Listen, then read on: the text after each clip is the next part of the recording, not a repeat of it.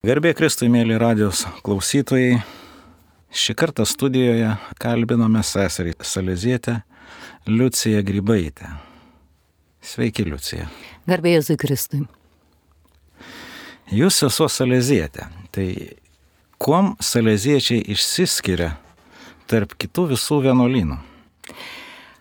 Klausimas toks labai provokuojantis ir kuo mes įsiskiriam, aš visada ieškau, kuo mes panašus, nes e, visų pašvestųjų saleziečių, jezuitų, pranciškonų, domininkonų, benediktinų tikslas yra tas pats - yra Dievo garbė, sielos išganimas, atliekant tam tikrą misiją.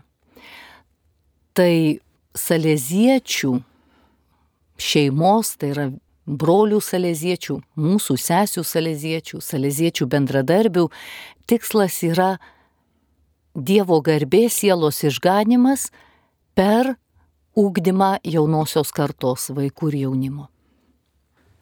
Kiek žinau, jūsų vienuolyną įkūrė kunigas Bosko. Taip. Vis tiek jūs geriau žinote apie jo asmenybę, apie jo gyvenimo istoriją, tai gal galėtume šiek tiek pasidalinti su klausytojais? Na, šventojo kunigo Jono Bosko asmuo yra labai gerai žinomas tikrai visame krikščioniškame ir ne tik krikščioniškame pasaulyje, nes jo palikta charizma, tai yra prevencinė sistema, kaip mūsų dvasingumo išraiška ir ūkdymo metodas, yra paplitęs visuose penkiuose kontinentuose. Ir tai yra vienas iš šventųjų, apie kurį yra labai daug palikta istorinės medžiagos. Nes dar kol jis buvo gyvas, kol jis pats buvo su savo ugdytiniais, tai yra su jaunimu, turine valdoko oratorijoje, jau tada aplinkiniai jaunuoliai ir jį supantis kiti kunigai, klierikai, pasauliečiai suprato, kad tai yra asmenybė, kuri įeis į bažnyčios ir visos žmonijos istoriją. Ir dėl to apie jį rinko faktus ir slapta rašė. Fiksavo įvykius su datom, su vardais. Lygiai taip pat popiežiai, o jis bendravo net su keliais popiežiais, jam buvo įsakyta rašyti prisiminimus. Ir dėl to saleziečiai turi stiprų tokį biografinį istorinį palikimą, kur yra jo prisiminimai 24 tomai. Tai tų rašytinių šaltinių tikrai turime daug. Na bet gal pradėkime tada nuo pradžios, kaip jūs sakot, ogi kasgi jisai buvo, gal yra ir mūsų radio klausytojų, kurie apie jį nėra kažką daugiau girdėję. Taigi šventasis Jonas Bosko, italas, gimė 1815 metais, rūpiučio 16 dieną, Šiaurės Italijoje, mažame Bekių kaimelyje. Jis gimė iš jo tėčio antros santokos, nes mama vedė našlį ir paveldėjo dar du brolius, kurie buvo iš pirmos tėčio santokos. Kai Jonukui buvo du metai, miršta tėtis ir mama, mama Margarita, lieka su trim berniukais, Jonukas jos biologinis vaikas, kiti du yra tėčio sūnus ir uošvė, Margaritos vyro mama. Ir visiškas skurdas. Mamai Margaritai 28 metai. Jonukas nuo pat pradžių labai pasirodo guvus, gabus ir labai linkęs mokytis. Tačiau galimybių jokių. Aš visada pabrėžiu tą, na, tokį netitikimą žmogiškai, bet nekliūti Dievo veikimui, kada Dievo planas vystosi per negalimybės. Juk jeigu Dievas pramatė, kad šitas jaunas berniukas, šitas vaikas taps didžiu pedagogu, kunigu ir padarys didžiausius darbus, nu ar negalėjo padaryti truputį lengvesnio kelio, kad turėtų mažiau skurdo, kad turėtų mažiau problemų vaikystėje. Nes jo ne tik broliai jam pavydė, jam pavydė mamos ir jam pavydė jo gabumų. Devinių metų Jonukas susapnuoja pranašišką sapną, kuris išliks jo atmintyje visą gyvenimą. Sapne jis pamato gražiai apsirengusį spindintį vyrą ir labai gražią spindinčią moterį, jis net nesako, kad tai Jėzus ar Marija. Ir tas vyras, tas didingas žmogus, parodydamas į tą spindinčią moterį, sako, aš tau duosiu mokytoją, kuri tave išmokys būk nuolankus, drasus ir tvirtas savo laiku viską suprasi. Ir jis pamato, kad tame sapne, kad pilnas laukas laukinių žvėrių netikėtai tampa avinėliais, kurie meiliai glaudžiasi bėga prie jo. Jis nelabai supranta, ką tai reiškia, bet atsikėlęs papasakoja sapną ir trys interpretacijos. Mama sako, kažin, gal tu vieną dieną būsi kunigas. Broliai sako, visą laiką tu ganysi ožius ir avis, net ir sapne tai sapnuoji. O močiutės išminti sako, nereikia tikėti sapnais.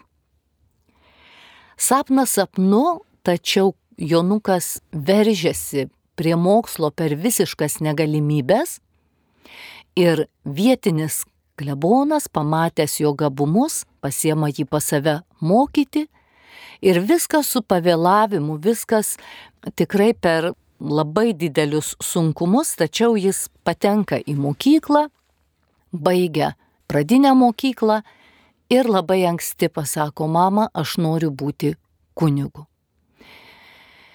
Ir vėlgi, kad patekti į seminariją reikia kraičio, reikia tam tikro įnašo, kurio nėra.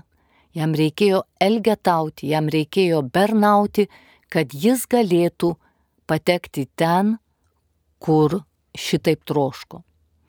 Iš perspektyvos mes jau galime suprasti, kad jeigu ne tie sunkumai, jis būtų nesupratęs paskui tų vaikų, kuriems jis tapo tėvų ir mokytojų, kurie taip pat neturėjo ką valgyti, kur gyventi, nes tuo metu Turino miestas buvo labiausiai besivystantis Šiaurės Italijos miestas ir ten vyko jaunuoliai, vaikinai iš kaimų, iš kitų vietovių, kad pragyventų, kad turėtų duonos kasnį ir jie buvo labiausiai išnaudojami. Tai buvo tikrai, Turino miestas yra pastatytas vaikų.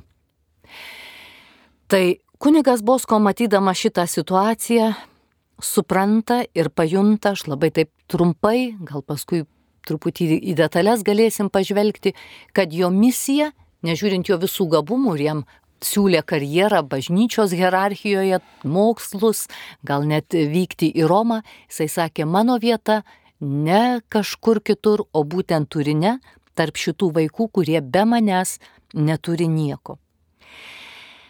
Ir jo misija tikrai plėtėsi nepaprastai greitai ir jis suranda vietą, kur atsivesti tuos vaikus. Nors iš pradžių visi jį išvėja, nes niekam nereikia kunigo su gauja kažkokių neaiškių jaunuolių, kurie žolę trypia, triukšmą kelia, nėra kažkokie ypatingai pamaldus ir iš viso daugiau klausimų negu atsakymų, ką tas kunigas su jais veikia sekdamasis per visą gyvenimą turėjo ypatingą santykį su Dievu net ir per sapnus. Ir sapnuose matydamas, kur viešpats jį veda, jis atranda tą valdoko vietą, taip pat už Turino miesto, ten įrengia pirmą tokią stabilę buveinę savo jaunuoliams, kur yra kiemas, kur yra patalpa mokytis, Ten paskui jis pastato didžiulę Marijos krikščionių pagalbos baziliką. Ten prasideda visa jo veikla, aplink jį būrėsi jau ir kiti jaunuoliai, klierikai. Tada jis supranta, kad tas darbas, kurį jis pradėjo, ugdoma į darbą, taip kaip jį atlieka tokie vaisiai, kokie yra, negali būti nutraukti su jo mirtim, negali pasibaigti su jo gyvenimu. Ir tada jis nusprendžia įsteigti Saleziečių draugiją. Iš kur tas žodis Saleziečių? Nes jis kunigas Bosko. Savo dvasingumą jis iš karto ėmė iš Šventojo Pranciškaus Salezo, tai yra savojos vyskupo dvasingumo, iš jo raštų. Kunigas Bosko buvo kieto, tokio tvirto charakterio, jeigu mes taip pasakytume paralelę su Lietuva, tai Lietuvos žemaitis, nes Šiaurės Italija yra tokių tvirtų žmonių bendruomenė, Piemontas, tas regionas. Ir jis labai gerai suprato savo talentus, gabumus, bet taip pat išnaujo ir savo trūkumus ir, na, kliūtis jo darbui. Ir jis pasėmė dvasinių vadovų visiškai priešingą asmenybę. Šventai Pranciškų Salezą, kuris bažnyčioje laikomas švelnumo, kantrumo ir nuolankumo pavyzdžių. Jeigu trumpai paminėti apie šventąjį Pranciškų Salezą, tai jis taip pat savo charakterį išsiugdė iš visiškai priešingos asmenybės. Jaunystė jau buvo visiškai kita. Tačiau jau po atsivertimo jis tapo tikrai visiems viskuo ir jo meilingumas, jo švelnumas buvo jo didžiausios labai sėkmingos misijos garantas. Taigi, kunigas Bosko sakė, žiūrėkite ne į mane pirmiesiems savo pasiekėm, o skaitykite ir mokykitės iš Šventojo Pranciškaus Salezo. Ir dėl to aš noriu, kad jūs vadintumėtės saleziečiais, nes jum taip kaip ir man reikės labai daug švelnumo, kantrybės, meilės, dirbant ir kasdieną vargstant, dirbant, stengiantis dėl vaikų ir jaunimo. Taigi, 1855 metais jau pradėjęs tikrai galvoti apie Saleziečių kongregacijos įsteigimą, jo pirmasis bendražygis oficialiai tampa Mykolas Ruo.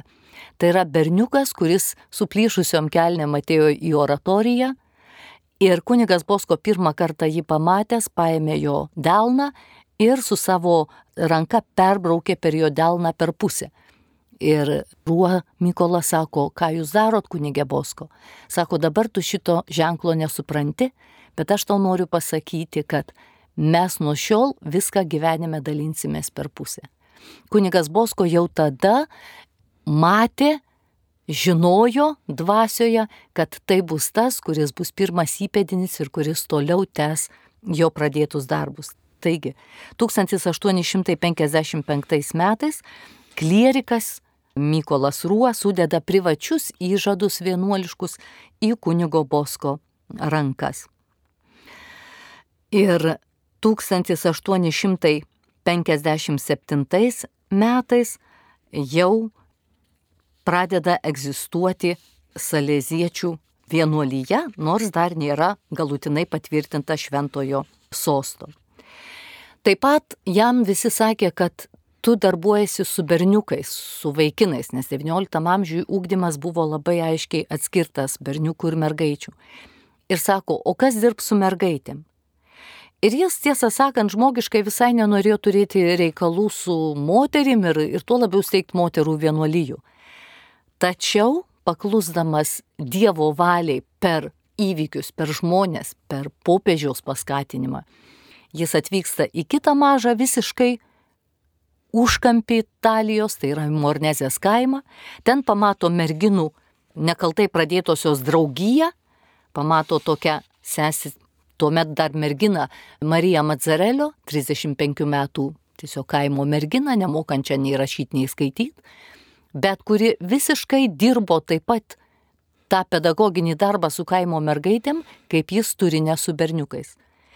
Ir štai su šitom merginom jis paduoda jom regulą parašę, sako, pagalvokit, apsispręskit ir 1872 metais 11 Mornezės kaimo merginų su Marija Mazzarelio prieš akiją sudeda pirmus vienuoliškus įžadus. Tai pradžia seserų saleziečių kongregacijos, kuri darbuojasi su mergaitėm. Darbai plečiasi ir nežiūrint to, kad tuo metu būdavo tikrai labai daug pašaukimų, bet jau darbai nebepriepia nei salėziečiai, broliai, nei seserys salėzietės viską, kiek yra poreikio dirbti su jaunimu. Ir tada kunigas Bosko supranta, kad reikia įsteigti trečiąją šaką, tai yra pasauliečių salėziečius, salėziečius bendradarbius. Ir salėziečius bendradarbius taip pat patvirtina šventasis sostas. Ir kunigas Bosko siunčia misionierius, steigia namus, jau už Italijos ribų siunčia misionierius iš karto į Ameriką. Tiek brolių salėziečius, tiek seseris salėzietės stato bažnyčias ir jo darbų laukas tiesiog apimtis darbo nenusakoma. Prie viso to popiežius Pijus IX dar paprašo jo tokio, na, labai įpareigojančio dalyko pabaigti pastatyti Jėzaus širdies baziliką Romoje. Nes anot popiežiaus net ir viso pasaulio viskupai su savo lėšomis neįstengia šios bažnyčios užbaigti. Kunigas Bosko vėl klusnus, nors žino, kad suvokia, kad tai jam kainuos labai daug, gal net ir gyvenimo pabaigą pagreitins. Taip ir įvyko. Romos švenčiausios Jėzaus širdies bazilika buvo pašventinta 1887 metais, o kunigas Bosko į amžinybę iškeliavo 1888 sausio 31. Mirdamas jis paliko 773 brolius salėziečius, 393 seseris salėzietės, didžiulį būrį salėziečių bendradarbių ir tūkstančius išugdytų ir beugdomų vaikų ir jaunuolių Italijoje, Amerikoje, Prancūzijoje, Ispanijoje ir kituose kraštuose. Tai tiek trumpai. Nuostabiai graži gyvenimo istorija ir darbas su jaunimu. Kuom ypatinga ta salėziečių sistema? Ši sistema vadinasi prevencinė sistema. Dabar jau mums šis žodis yra visiškai įprastas, tai reiškia užbėgtų žakių blogiui.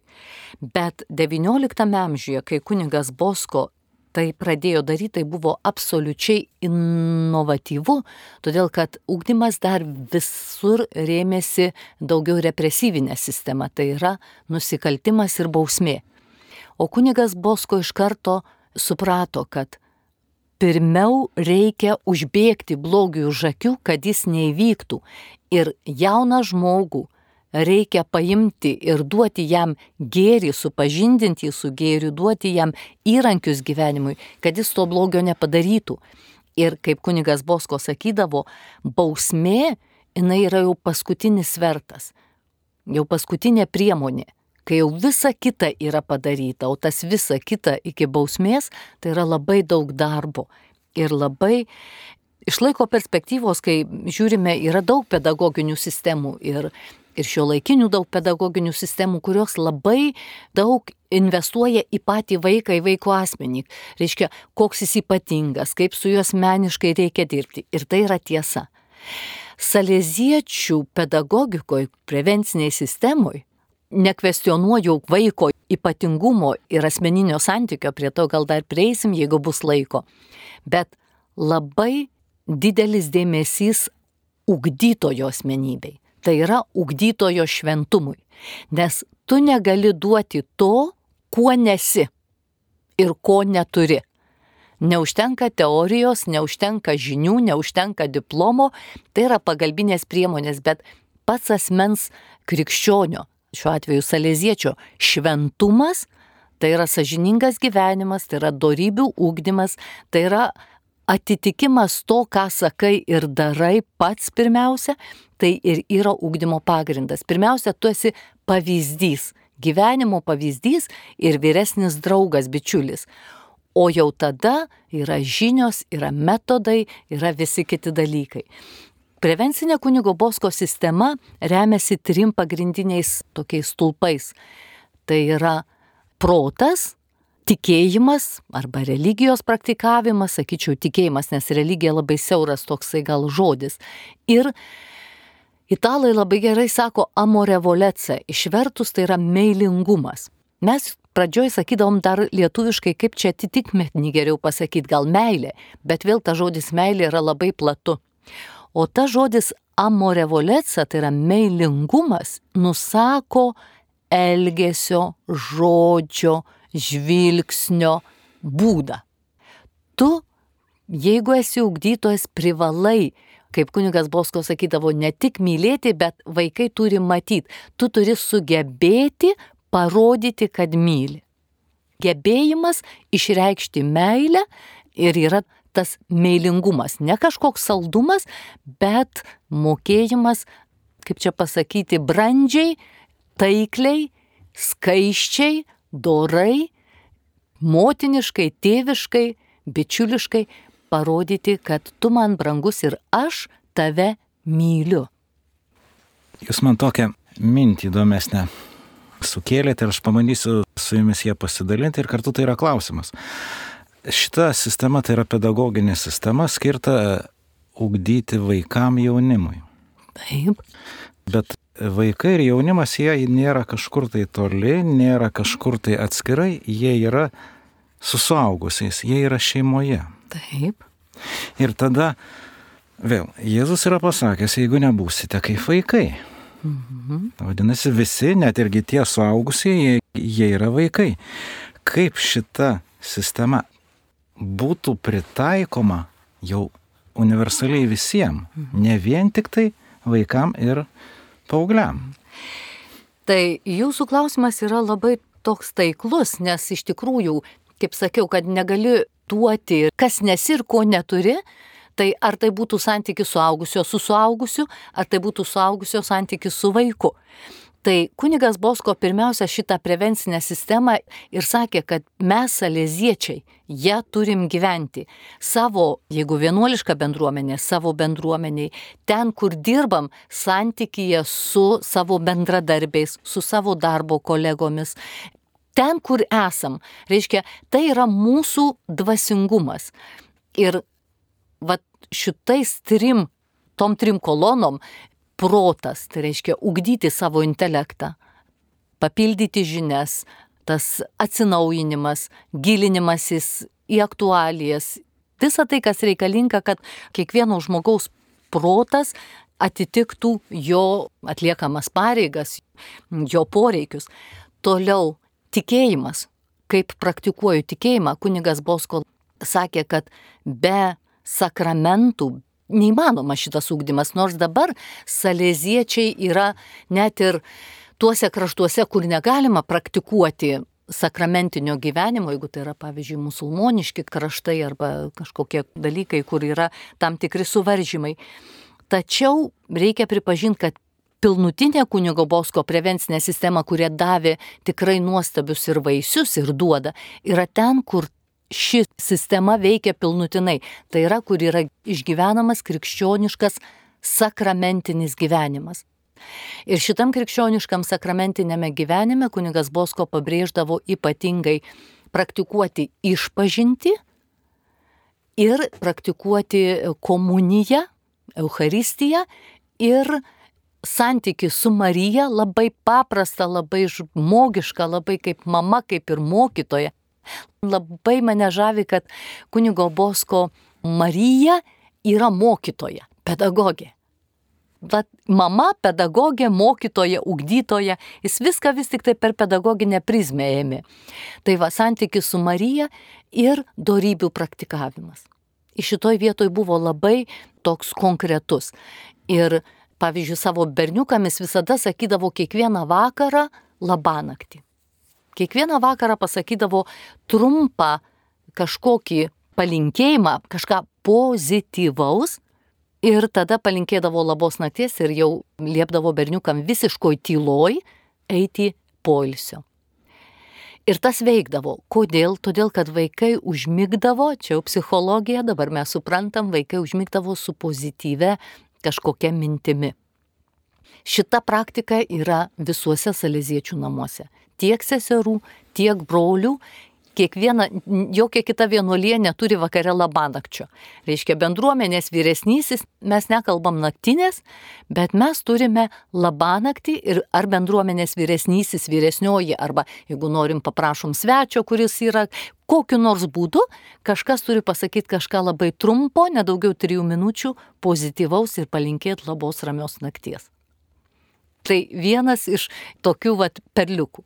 Arba žodelis jausi ar ne? Kažką pamatom ir negalėdavo vaikų barti, perspėti visi. Yra atsakingas. Kiti mato, pasako tam atsakingam, o jisai moka pasakyti tada ir taip, kad tas vaikas liktų nepažemintas, kad jis tuo metu gautų pastabą, kada reikia ir kaip reikia. Arba kitas dalykas, kur mes suaugę galim nuostabiai savo prisitaikyti ir Dievę. Neleisdavo kunigas Bosko kalbėtis supykus.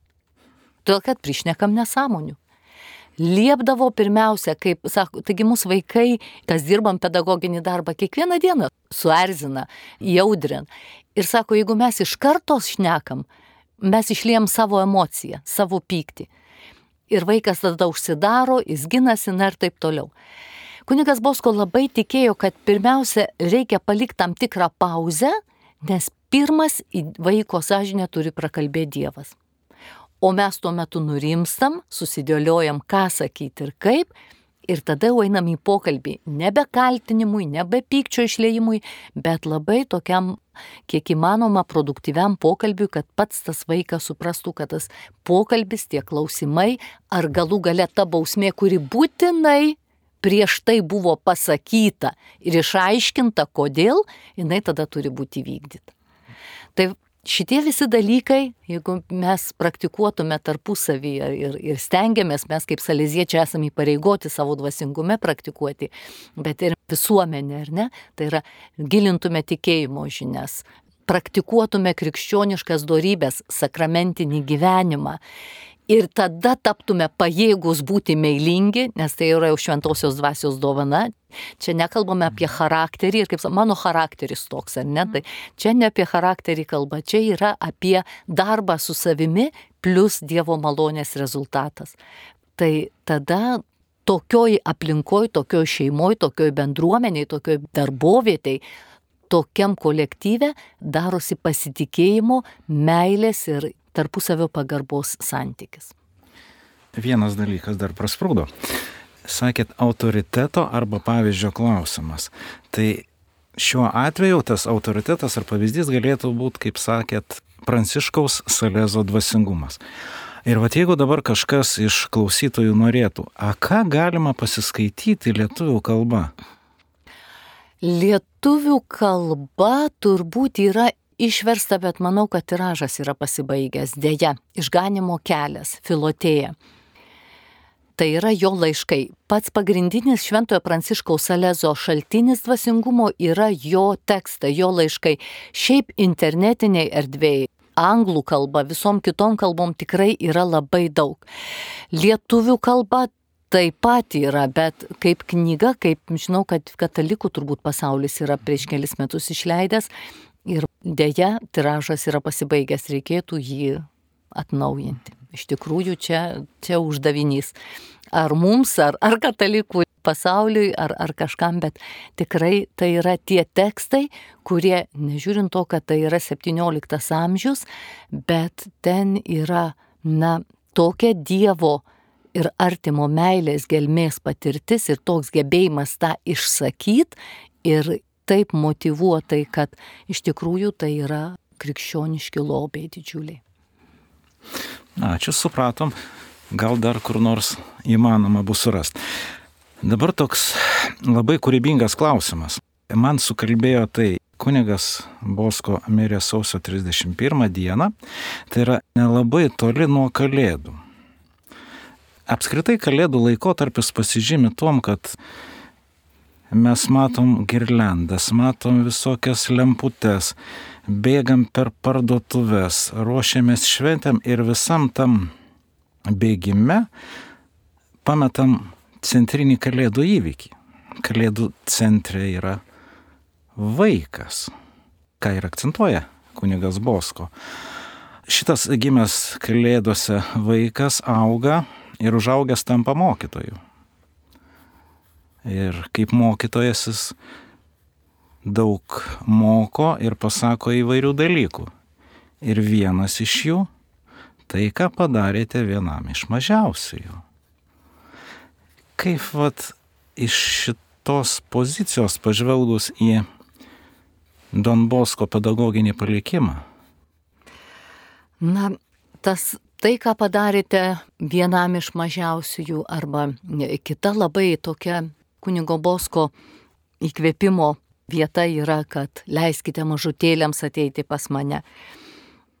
Iš tikrųjų šitas jo dvasingumo centre yra vaiko širdis, vaiko gyvenimas.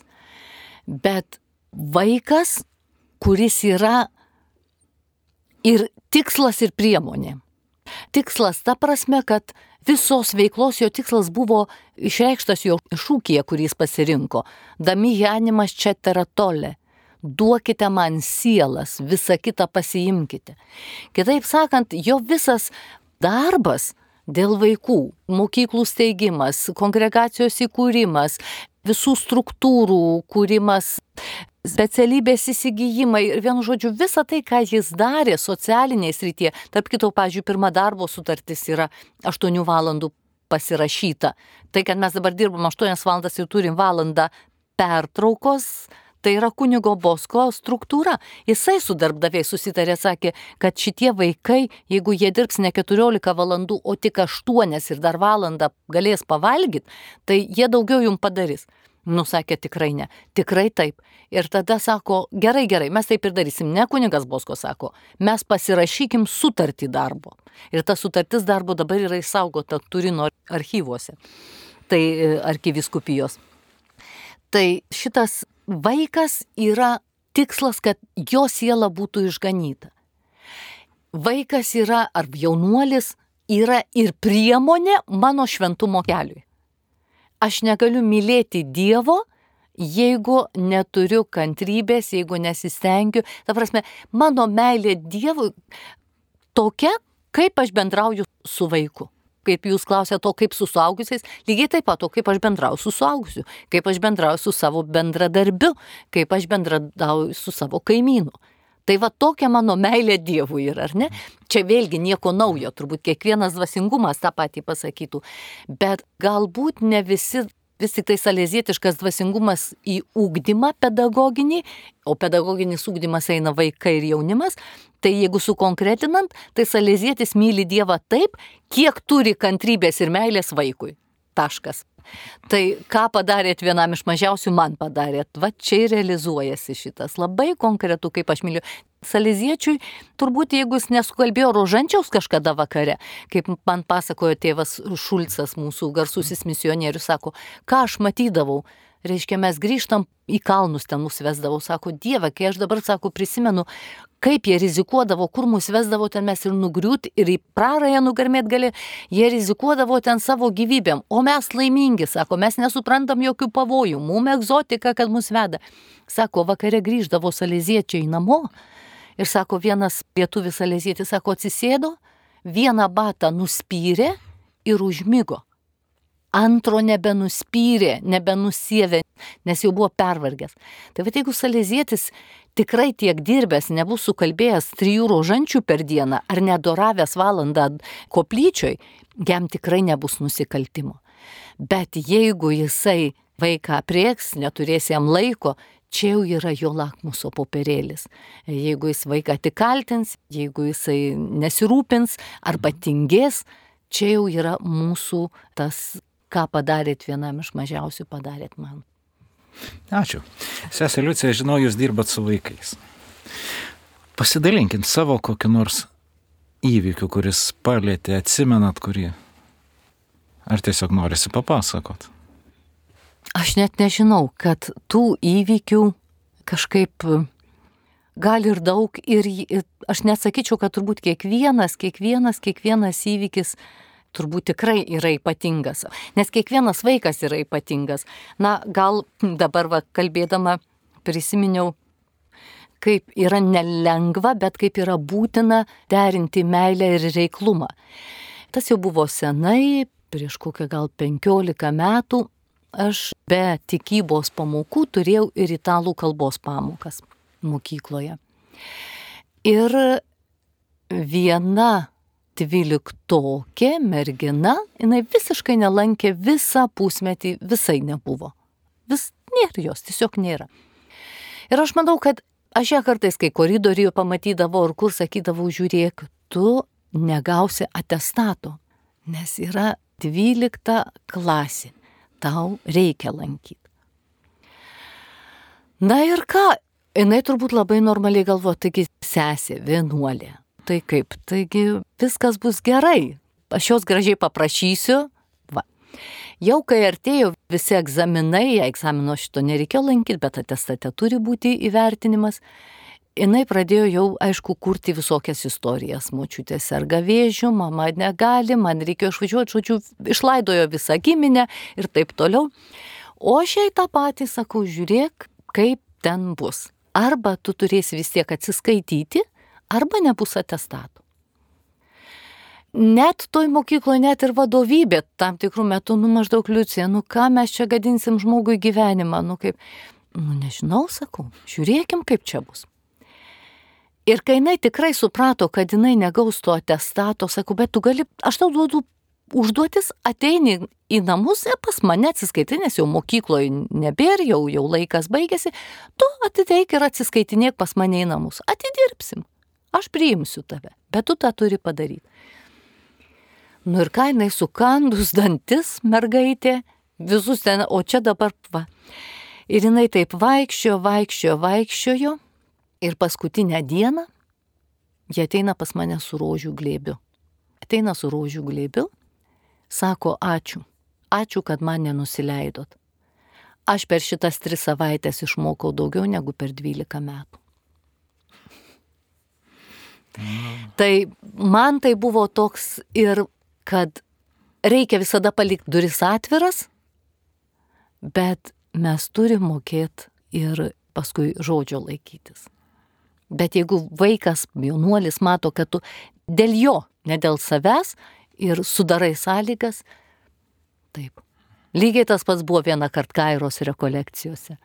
Jeigu žinom, kad vyksta tokia programa ir mes jaunimui pasakėm, kad jeigu randam alkoholinių gėrimų ar kažko, iš karto mes jūsų nemoralizuojam, paskambinam tėvam, tada dar vyko Šiluvoje, skambinam tėvam, žodžiu, išvežam, nuvežam iki raseinių, toliau tėvai turi pasiimti ir važiuoti namo. Na ir užtikom vienam kambarį. Ryte, taigi mes atsiprašym, jau mes atleidom, viskas gerai, jūs galėsit kitą kartą, o dabar važiuot namo. Ir jis sako, niekad nesitikėjom, kad šitai bus, kad tiesiog pasakyta ir taip ir yra. Ir šituos abu du atvejus dabar prisiminus pasakoju, turiu prisipažinti, kad ne visada mes irgi taip elgiamės, ne? Tai yra tokie kertiniai, principiniai, kada pavyksta. Bet ką noriu pasakyti, kai jie pavyksta, įvyksta. Va čia ir yra prevencinė sistema. Kai pavyksta, įvyksta. O mes daug liepiam dažnai, daug žadam ir paskui nemokam išreikalauti ir kaltinam ir, ir tada nesiugdom nei mes, nei vaikas.